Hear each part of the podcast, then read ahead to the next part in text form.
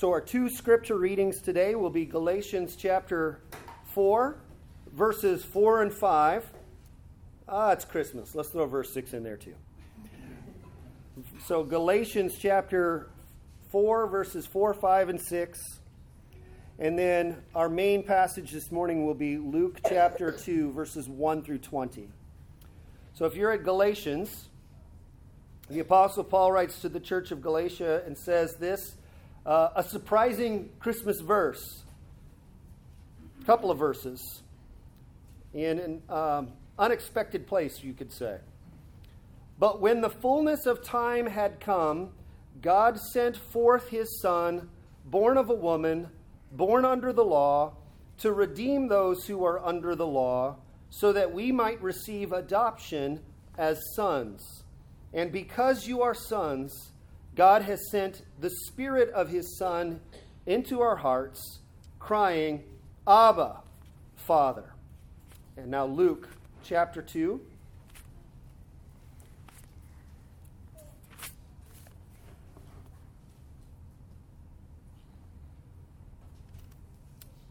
Luke chapter 2, verse 1.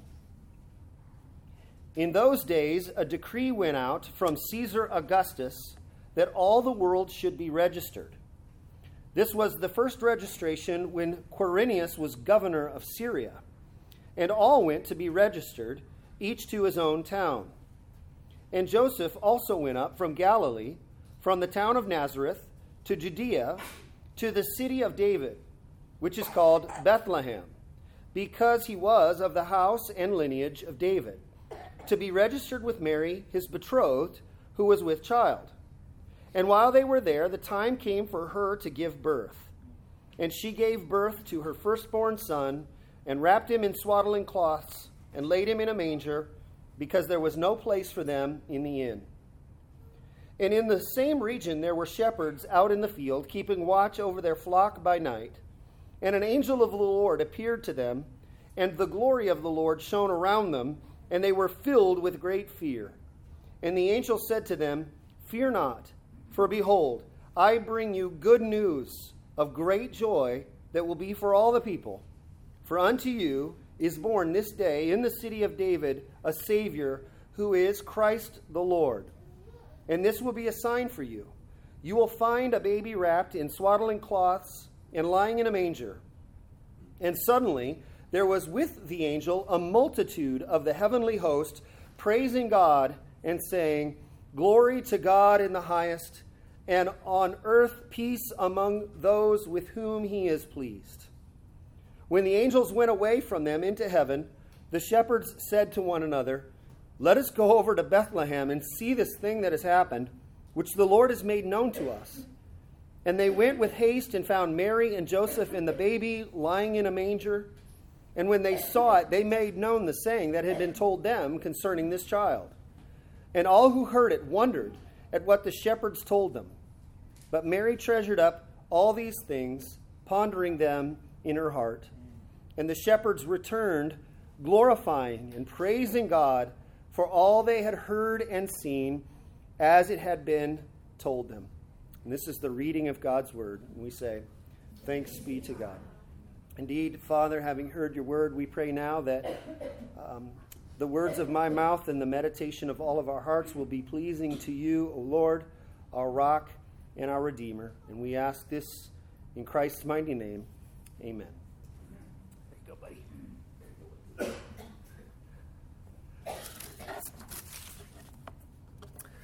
So we are in um, not near the end of a series yet. We have one more week one more of the songs of the Advent season. Uh, earlier this month, we saw the announcement of John the Baptist's birth, and then after that, we've looked at the, the first of four of the Advent songs, or canticles, as they're sometimes called. We saw the Magnificat, Mary's Magnificat, a couple weeks ago, Mary's song in Luke chapter 1, verses 21 through 56. Last week, we looked at the Benedictus. Um, Zechariah's prophecy in uh, the end of uh, Luke chapter 1. And today we're looking at the third song, and that is Gloria in Excelsis Deo, which is just the Latin expression for what the heavenly host begins to sing in verse 14 Glory to God in the highest. And so today we're going to look at this classic event, and there's nothing profound. Well, I shouldn't say this. Uh, this is a very familiar story to all of us. Um, and yet it is a very deeply profound story in the simplicity of it. So I want to walk through a couple of parts of this story together. And the first part we want to get to is the when of Jesus' birth. Kind of setting the, the background here. It's set in a, in a historical setting. It's a thing about the Christian religion. It's not just principles, it's not um, uh, just a set of values or rules or practices. The essence of the Christian gospel, the good news, is the announcement of what has actually transpired in human history. It's the announcement of what God has done in time that he foretold of throughout the Old Testament. And then, as we read in Galatians, now in the fullness of time, at the appropriate time, God brings this event to pass. Verses 1 through 5. Luke begins the story about Jesus' birth in Bethlehem to show how he got there. Before we get to the where of his birth, we're going to look at the when of his birth. Verse 1 In those days, a decree went out from Caesar Augustus that all the world should be registered, that a census should be taken. And so everybody went to go be registered, and they all had to go back to their own town, their own village, their own uh, place where they their family line was, which is very telling about Joseph, is that he he was uh, kind of so far away from his ancestral home. He's a couple of days' journey away from his ancestral home. Perhaps because he was poor, he was finding work. He it forced him and his now young family to live uh, all the way up in the northern part of Israel. And it was because of this census by Caesar Augustus, a decree going out from Caesar Augustus, that caused him to be back in Bethlehem at this time. That's that's no insignificant thing. That's why Luke is pre- presenting this here. And this speaks here of the providence of God. So here's the first of four reflections for us to think about this morning the providence of God. What is, what is the providence of God? Well, the providence of God is God's ongoing actions in the world to bring about his purposes and his plans. I think uh, many of us are, have no problem thinking about how God created the world, but the next step of God's creation of the world is his providence, his providential care over the events in the world. And indeed, this is a, a mystery. We won't get into it uh, today in greater detail, but it's a, uh, how it is it that human beings can make human, real, genuine choices, that good could be done and evil could be done, and yet God is using all of those events, and in His wisdom and in His plan, He is using all of those things to bring to pass His plan. That's God's providence. And God here is using world events to fulfill His plan. He used the decrees and policies of an evil emperor to bring about his purposes. The prophets in the Old Testament said that the Messiah would be born in Bethlehem in Judea. Remember the, the wise men coming in Matthew's gospel, and they follow the star from the east and it's interesting they don't the star doesn't take them to bethlehem the star in some way takes them to jerusalem which is about seven miles away and they show up at I mean, they think a king is born, so they go to the palace of the king and they congratulate Herod on that the king of the Jews is born. And Herod, you remember, is very a little troubled by this, right? He's like, I didn't uh, have a kid. And so he summons all of the teachers and he goes, Okay, the Messiah, where's this Messiah to be born? Well, it's Bethlehem. So it just so happens that God orchestrates this event from this decree of Caesar Augustus so that Joseph and Mary could be in the town that God foretold of centuries earlier where the Messiah, the Christ, would be born. And so they go, they're there, and it is exactly at that right time that Mary gives birth to fulfill the many prophecies of the Old Testament. Indeed, I love that passage in Galatians. In the fullness of time for the Messiah to, to arrive. Oh, that we would, oh, that we would uh, trust in God's providential hand more. When we think about Christmas and we think about the event, the arrival of Christ into the world, let us stop and think that that God orchestrated these events for his glory and his purposes and for our good. Imagine how inconvenient that probably was for Joseph and for Mary, probably more so for Mary. The moms in here would be like, yeah, a several day journey riding on the back of a donkey while fully pregnant. Not very pleasant, very inconvenient. And yet, God's hand was providentially guiding that that entire time. Oh, that we would trust in the hand, the providential hand of our God.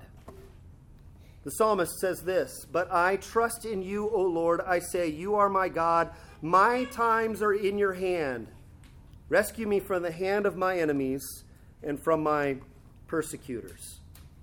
J.C. Ryle, and, and at Christmas time, if you're looking for some reading, devotional reading to go along with this, I highly recommend J.C. Ryle's expositions on the Gospels. They're wonderful, and so I don't mind sharing them here with you this morning. You've heard me do this many other times with J.C. Ryle. Just so great. But he says this about this passage in Luke 2 Let us ever rest our souls on that thought. He knows the ideal point in history, the perfect timing for sending his son into the world. Let us beware of giving way of giving way to uh, to over anxiety about the course of events around us as if we know better than the king's, king of kings what time relief should come? Let us beware of giving over to anxiety about the course of events around us as if we know better than the kings of kings what time relief should come. God uses world events for our purposes. God uses the choices and policies of political leaders, Caesar Augustus, to further his plan in some way that maybe we don't even see or recognize or understand. Now, it doesn't mean that the policies of those leaders necessarily are moral or that they're absolved from all their responsibility for implementing moral ones, but God uses the actions of immoral leaders in fulfilling his purpose and plan. And as sinful as they are, they may attend those policies for evil, but like but like Joseph told his brothers, you purposed it for evil, but God intends it for good. May we, may we trust. I know that is sometimes so hard. One of the greatest things and challenges for me is to see um, why aren't things going the way I think that they should be going? What is going on here? And then I get upset. And then I, then I want to get on kind of like a crusade. What can we do to make a movement to kind of change things? And not that we shouldn't do that, not that we should be just totally passive and standing by. We should stand and upright for what God calls us to do in truth and in righteousness and to say what needs to be said and act in the ways that we should act. But at the same time, we do it with a great sense of peace and resolve, of peace, knowing that whatever happens in the difficulties at that moment, we may not see God's plan, but God might be working in it. Again, Ryle continues here. The heart of a believer should take comfort in the recollection of God's providential government of the world a true Christian should never be greatly moved or, or, disquieted by the conduct of the rulers of the earth. He should see with his eye of faith a hand overruling all that they do to the praise and glory of God. He should regard every king and potentate, an Augustus, a, a Cyrenius, a Darius, a Cyrus, a Sennacherib, as a creature who, with all his power, can do nothing but what God allows, and nothing which is not carrying out his will. So, when we think about the introduction to the birth story of Jesus Christ, we need to take to heart those words here how it was that Joseph and Mary got to the place that would fulfill that prophecy of Scripture. That was God's providential hand. And oh, that we would trust God's providential hand. Even though we don't see or understand, let us trust in it. So that's the, the when of Jesus' birth. Let's look at the where. It's kind of overlap a little bit, but look at verses 6 and 7. And while they were there, the time came for, for her to give birth, and she gave birth to her firstborn son and wrapped him in swaddling cloths and laid him in a manger because there was no place for them in the inn. They are in Bethlehem, and this is legendary. This is a legendary village. It's a small little village. It's kind of an insignificant village, but it is legendary because the great, uh, the great king of Israel, the man after God's own heart, David, that's his hometown. The city of David, it says in verse 11. And you might remember the story how Samuel the prophet came to a, a, a anoint at the instruction of the Lord. He was to go to Jesse's house to anoint a king over all of Israel to replace Saul, whom the Lord had rejected. And so he brings his son. He starts with the oldest and he works his way down the line. And it wasn't Eliab, it wasn't Abinadab, it wasn't Shammah, it wasn't any of the next four. Seven sons. None of them. Do you have another one? Well, just the little the little kid who's out in the field. And so Samuel says to him, Go, go, fetch that kid. The Lord later reminded David that he was taken from being a shepherd. And this is a key to the events that happened in the rest of this part of the story.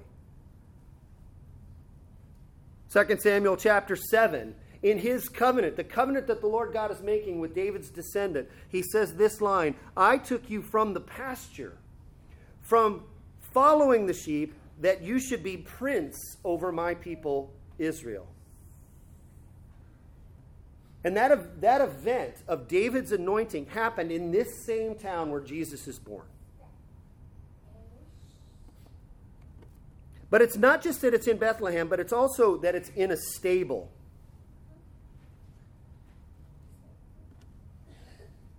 She gave birth to her firstborn son, wrapped him in swaddling cloths, and laid him in a manger because there was no place for them in the inn. This has been a great controversy in my marriage. When I uh, have pointed out that the, uh, the typical story, I may ruin it for a lot of you too. I think I've ruined it for you. If you've been here for years past, I probably ruined it for you then too. Because the typical story is that, oh, all the evil innkeepers are so mean and they just keep shushing, uh, shushing poor Mary and Joseph away. Is that, That's like there's the motel like it was the Hilton or the Holiday Inn and they were all closed. That's, that's not really what's meant here by inn. At the end is the guest room. And so the, more likely what's happening here is that there was no room in the guest room, so maybe another family took off and left, and they gave them the, basically the whole house, which is still a modest little house. And in the ancient world, and uh, especially in that part of Israel at that time, those, those houses were almost like kind of cut out of the ground and then have like kind of a little roof over the top of them and then would have the barn attached so that all the animals would be attached. So that the animals were, and their fodder were kept kind of basically in the same building as the family quarters. And so the feeding trough would kind of be the, the dividing place between where the animals would be kept and where they would be. E- either way, because of the census, people were in town, they were staying with relatives, the place was, was packed. Uh, so, whatever, however you understand that um, in the guest room, the point is not the cruelty of the innkeeper and the hotel manager, but the humble condescension of the Son of God. That's the main point. the humble condescension of the Son of God.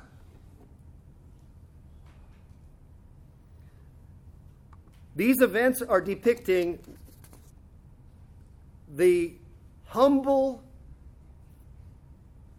arrival of the Son of God into the world. John's Gospel in the introduction tells us the Word became flesh and dwelt among us, and we have seen his glory, glory as of the only Son of the Father, full of grace and truth. Was this glorious, the incarnation of the Son of God taking on human flesh? Yes. 1 Peter chapter 1 says this that Christ was foreknown before the foundation of the world, but was made manifest in the last times for the sake of you, who through him are believers in God, who raised him from the dead and gave him glory, so that your faith and hope are in God. Both beginning and end of Jesus' earthly ministry was all glory, but yet it comes glory veiled in a very humble way. And that's how our Savior operated. Decades later, the last week of Jesus' life on earth before the cross, he would enter Jerusalem and enter into even greater humility.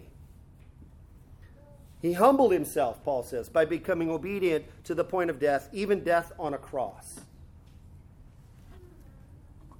Historian Bruce Shelley, in his book, The Church History in Plain Language, says this Christianity is the only major religion to have at its central event the humiliation of its God. Our Lord, who is entitled to sit rightfully on a throne, to have sovereignty over all of creation, and indeed does, he chose the most humble path to enter into the world. And he showed us the path the path from his exalted pre incarnate state to humility, to humbling himself even to the point of death on a cross, even into being dead and buried into the ground, and then being risen, and then to go to glory and to be glorified. And oh, that we, if you're a Christian, let me just say, that's the same path for you too. 2 Corinthians 8, you know the grace of our Lord Jesus Christ, that though he was rich, yet for your sake he became poor, so that you, by his poverty, might become rich.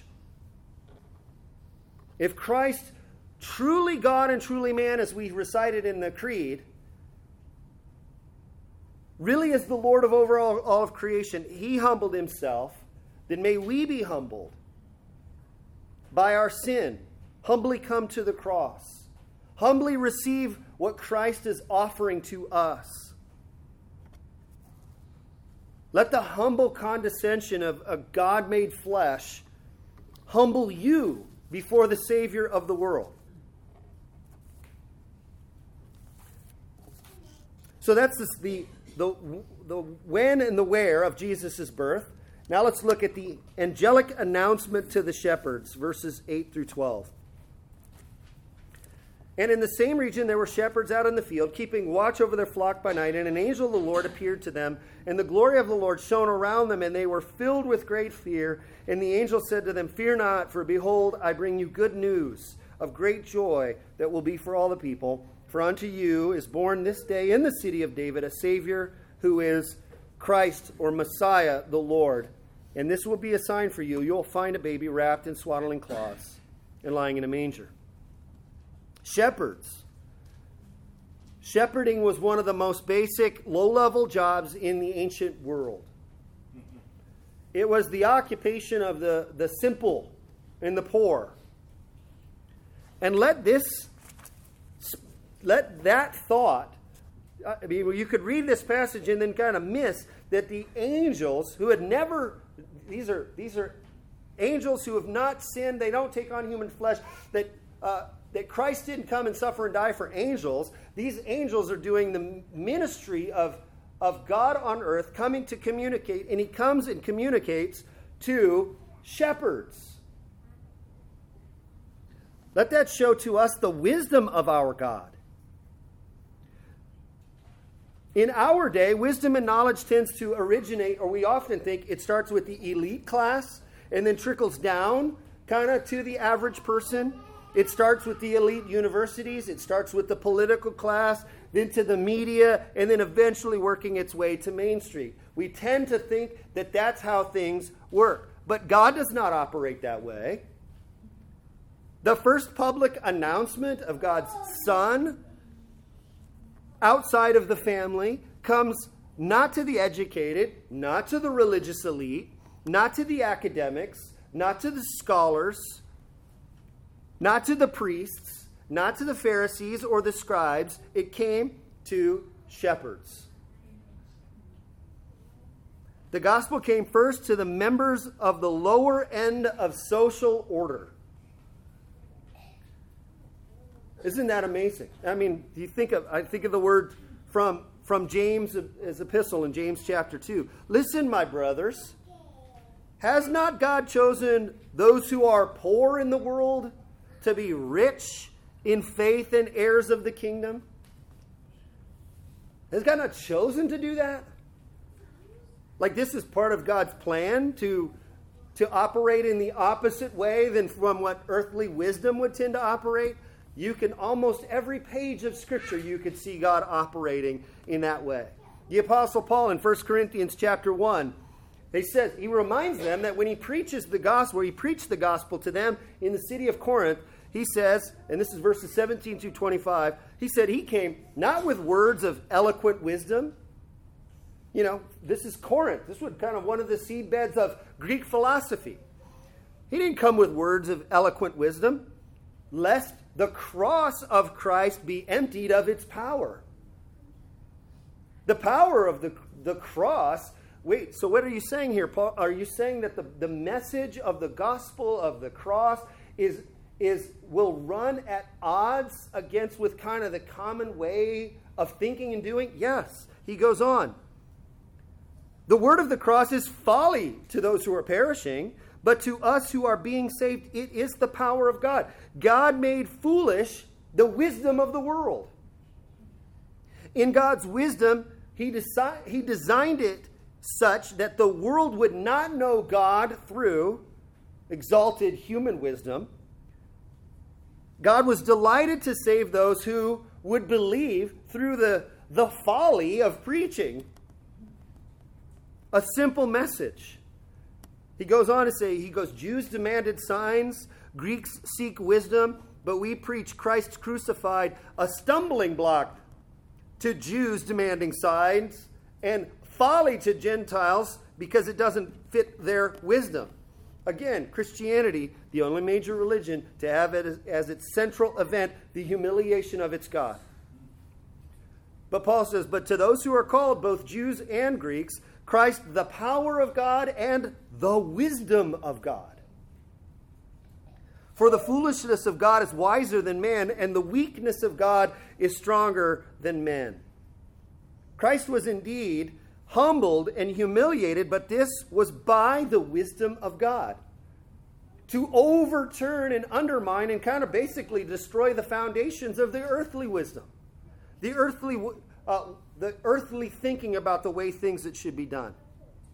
And he does this by coming to the most lowliest occupation and class in that society. God says, Where should we start? Let's start there. And so he dispatches his angels. Which brings us to their song, the hymn of the heavenly host. Verse 13 and 14.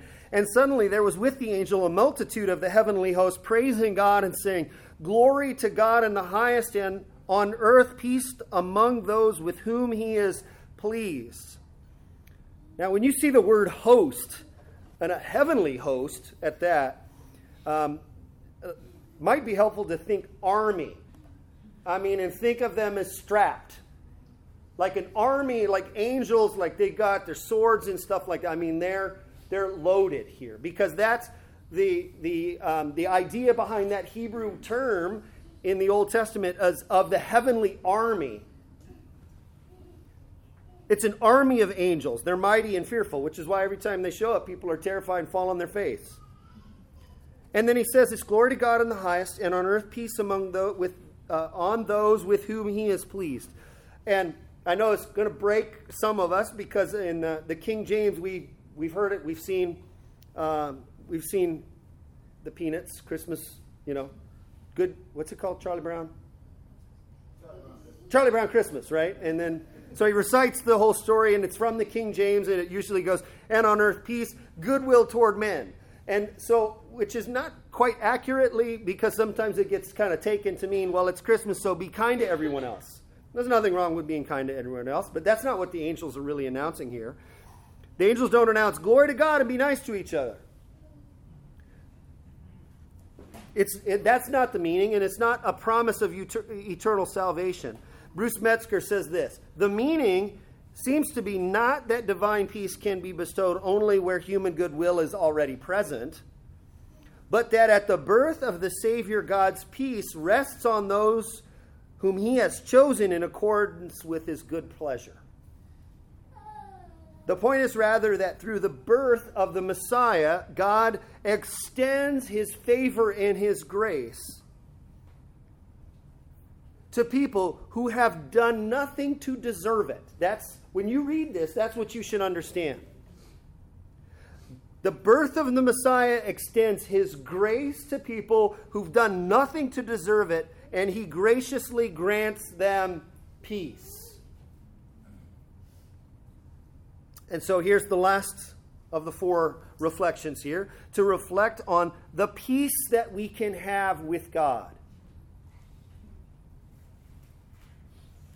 Now, note as well, this we often have a misconception about peace. We think, oh, it's a very, very peaceful day. It's a peaceful holiday season. We think of tranquility. We think of it, you know, associating it with like material comfort. So, like sitting by a fireplace with a nice warm cup of cocoa or coffee or or something, or a beautiful spring day sitting kind of in the shade just outside of the sun on my front porch. I love it. Temperature's perfect. The breeze, breeze is going. Ah, this is peaceful. But, but true biblical peace, when the word is used like it is in relationship between God and man, it has a different association, a different uh, meaning.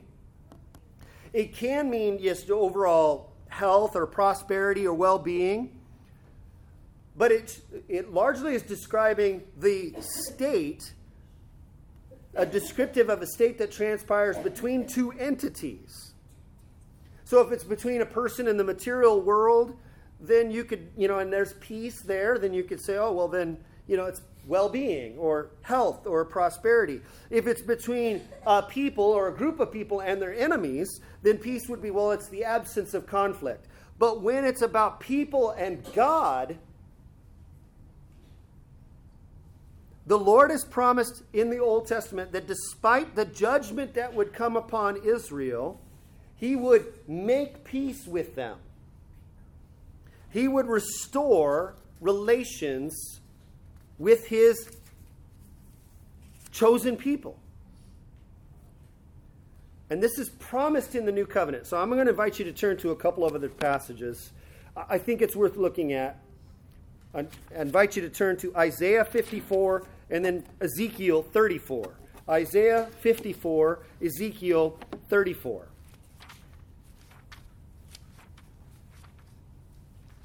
Here's some later major prophets. And the message of the Lord comes through them to the people of Israel about what would come after they are exiled from the land. Isaiah 54, verses 7 through 10.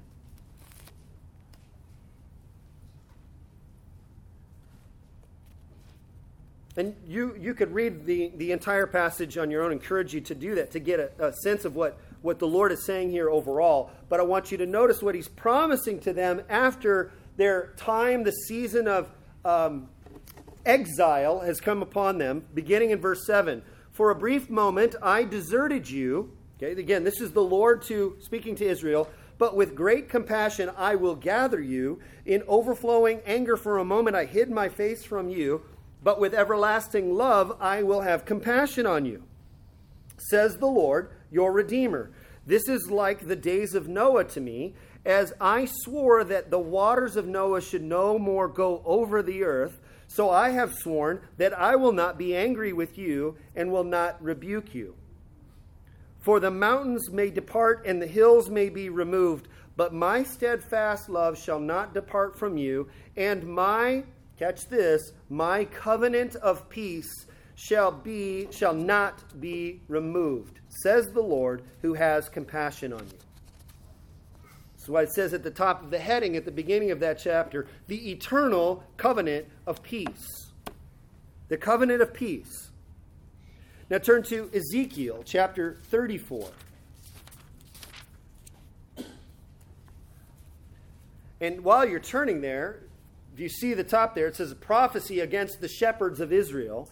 In that entire chapter, verse uh, chapter 34, you have um, the Lord coming and issuing a judgment against the shepherds or the leaders over the people of Israel, because basically they've, they've fattened themselves off of the sheep. They've, they were self serving and abused themselves off of the backs of the sheep.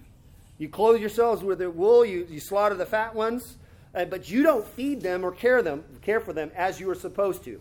The imagery of the shepherd over the people. So these would be the religious leaders. And at the end of this, he makes a covenant of peace with Israel, beginning in verse. Let's let's back up to verse 20, um, 22. I will rescue my flock. This is the Lord speaking. I will rescue my flock, they shall no longer be a prey, and I will judge between sheep and sheep. Verse 23 And I will set up over them one shepherd, my servant David. Okay. And he shall feed them. You guys weren't feeding them, you were feeding yourselves, you were fattening yourselves off of them. And so now I'm going to set up my servant, and it's going to be David, the one I've been talking about coming all along. That servant David. Now, he's not talking about the literal David, he's talking about the one promised who would come, the descendant of David. So when they're saying that, my servant David, that's just kind of the code name, the one who's coming from David.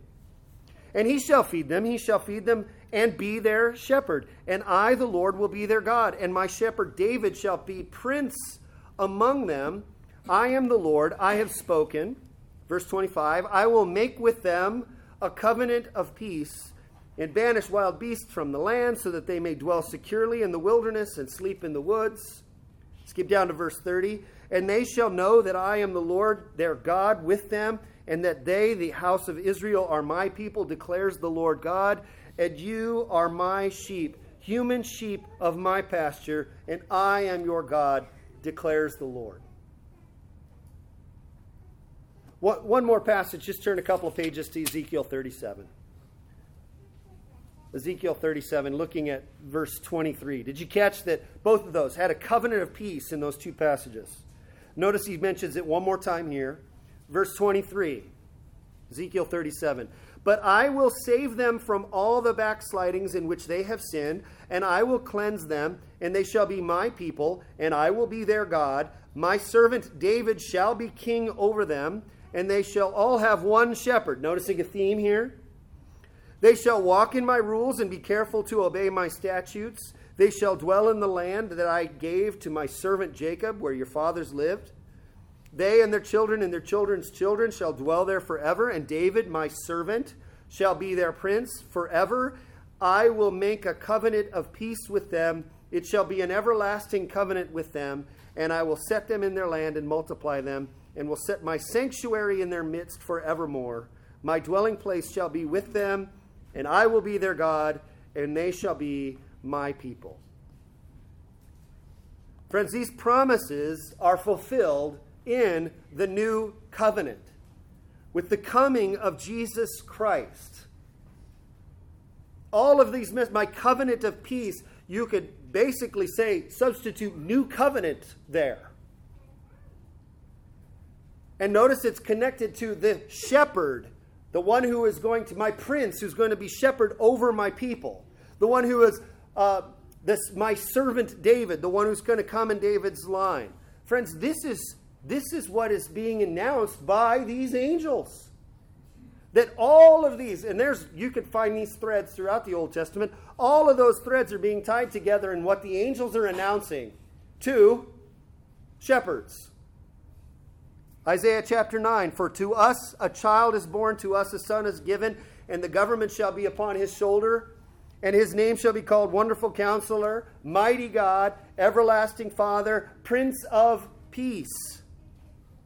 Of his of the increase of his government and of peace there will be no end. And on the throne of David and over his kingdom to establish it and hold, uphold it with justice and with righteousness from this time forth and evermore. One more passage invites you to turn Ephesians chapter 2.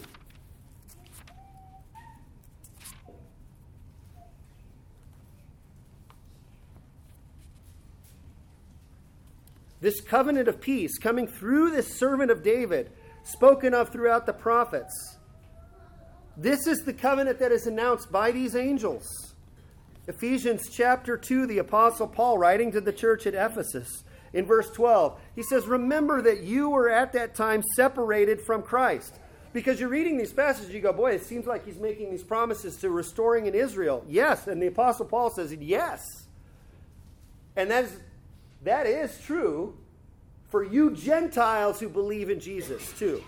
Remember that you at that time were separated from Christ, alienated from the commonwealth of Israel, strangers to the covenants of promise, having no hope and without God in the world. But now, in Christ Jesus, you who once were far off have been brought near by the blood of Christ.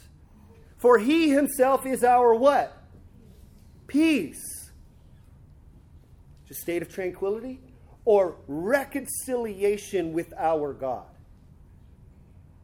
That Christ himself is our peace, the Prince of Peace, who has made for us both one this is saying Jews and Gentiles. He's saying believing Jews and believing Gentiles are now one. He's broken down in his flesh the dividing wall of hostility, which is a reference to the wall around the temple courts that separated the Gentiles from the Jews. You remember, you've seen the map? There's a wall that Gentiles, there's, I mean, and there's signs. Archaeologists have pulled up signs written in Hebrew and, and in Latin or whatever else at that time that say, do not come any further on penalty of death if you're not a Jew. There's a, there's a court of the Gentiles. You can stay there if you want to worship God. And Paul is saying, actually, through Christ, that wall is torn down. That dividing wall of hostility by abolishing the law of commandments expressed in ordinance, that he might create in himself one new man in place of the two, so making what? Peace and might reconcile us both to God in one body through the cross, thereby killing, killing the hostility. He came and preached peace to you who are far off and peace to those who are near. For through him we both have access to one Spirit in the Father. Peace. That's what a great term for the, the nature of salvation the restoration of good relations between God and sinful people purely by His grace. That's what's behind this term.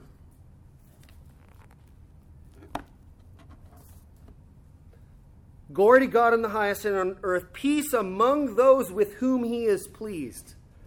That's an announcement of the gospel the assurance of the gospel.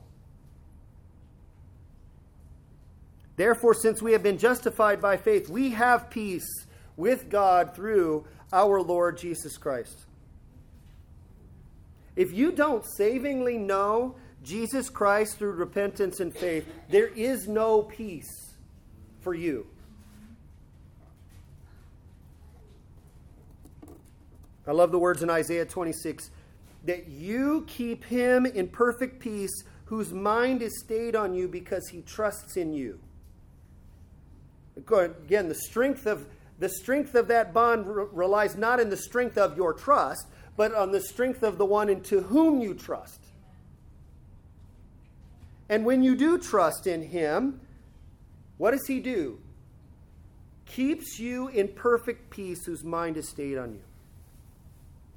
Jan and I were walking earlier this week and she was telling me about what you know one of the patients that she has. Of course, it's always you know um, no names or details, but just kind of sharing the some things. And she goes, and I had a patient who came in, and I hope I don't butcher the story, um, but was uh, but was a woman, and but was a trans woman. And I, I don't remember that what she was present. What was she presenting? It was something that involved. They had to ask questions related to parts she didn't have. And that's not the main point. The main point was that I remember what Janet said really struck me. She goes, I've never seen such a broken person. And like not just sad crying because of in pain but crying like the the countenance was just gone. Like ugly cry. Like snot running down. And not because of what what he was there for. But just a broken just a broken devastated person. And he had I mean, because he had debased himself, he had dehumanized himself. And he showed clearly the external manifestation of the absence of inner peace that can only come with God. We just talked about how what a struggle that is, is that, you know, that she and many like her in the jobs and occupations that they have, they go, you know what? You know what they really, you know what he really needed? And she's like, and I have to, I, I have to deal with the externals, but the only solution there was, was peace with God. And this is what is offered. This is what is offered to us in the announcement. The promises of peace with God. All these major prophets, um, almost side, by the way, did you notice this? That almost side by side with all of these statements about peace with God is also mentioning statements about God being their shepherd and that God's servant David will be a prince and a shepherd over his people, right? Notice that the promises of the covenant of peace came along side by side with statements about him restoring his sheep, restoring his pasture, and how, how beautiful is it that he makes this, that announcement to shepherds tending their flock. What a more poignant picture is that? It doesn't really get more poignant than that, doesn't it? It's like God says, hey guys, you understand what I'm trying to do here.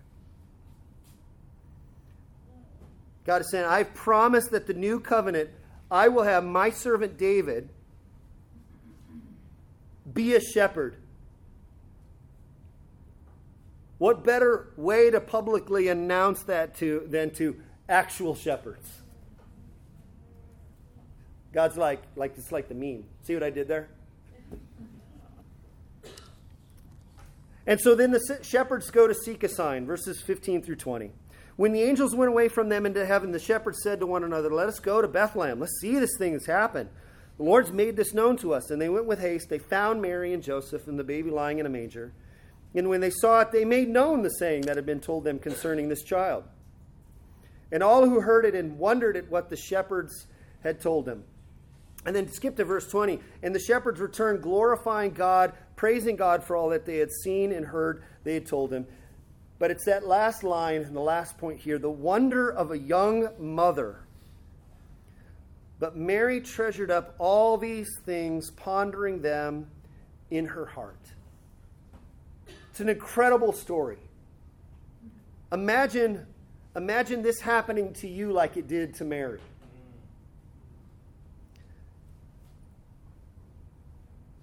We just got word this week in you know our church community, Erica giving birth to Samuel, and just what a what a it's just an amazing an amazing thing, isn't it? Bringing that life into the world. And, and you kind of have, I, I've thought about this many times, that from the very first promise of the seed of the woman in Genesis chapter 3, post fall, that God promises that there's going to be a seed of the woman who's going to destroy the serpent, and that every single birth was kind of like, is this the one? Is this the one? Like, there's the child. And every child comes with promise and hope. And you don't, I, I just kind of wondered if that in, in the Israel, the, the Israel mindset, like, if, is this the one? Is this the one? Is this the one? How many wondered that? How many Jewish women gave birth and go, is this the one? And Mary pondering this in her heart, she's storing this up and she goes, This is the one. This is the one. May we too treasure and ponder the wonder and amazement that Mary felt. And remind ourselves the truths about the incarnation for us to meditate on. The providence of God. His hand directing world leaders to bring about his plan to bring the Messiah into the world. The humble condescension of the Son of God.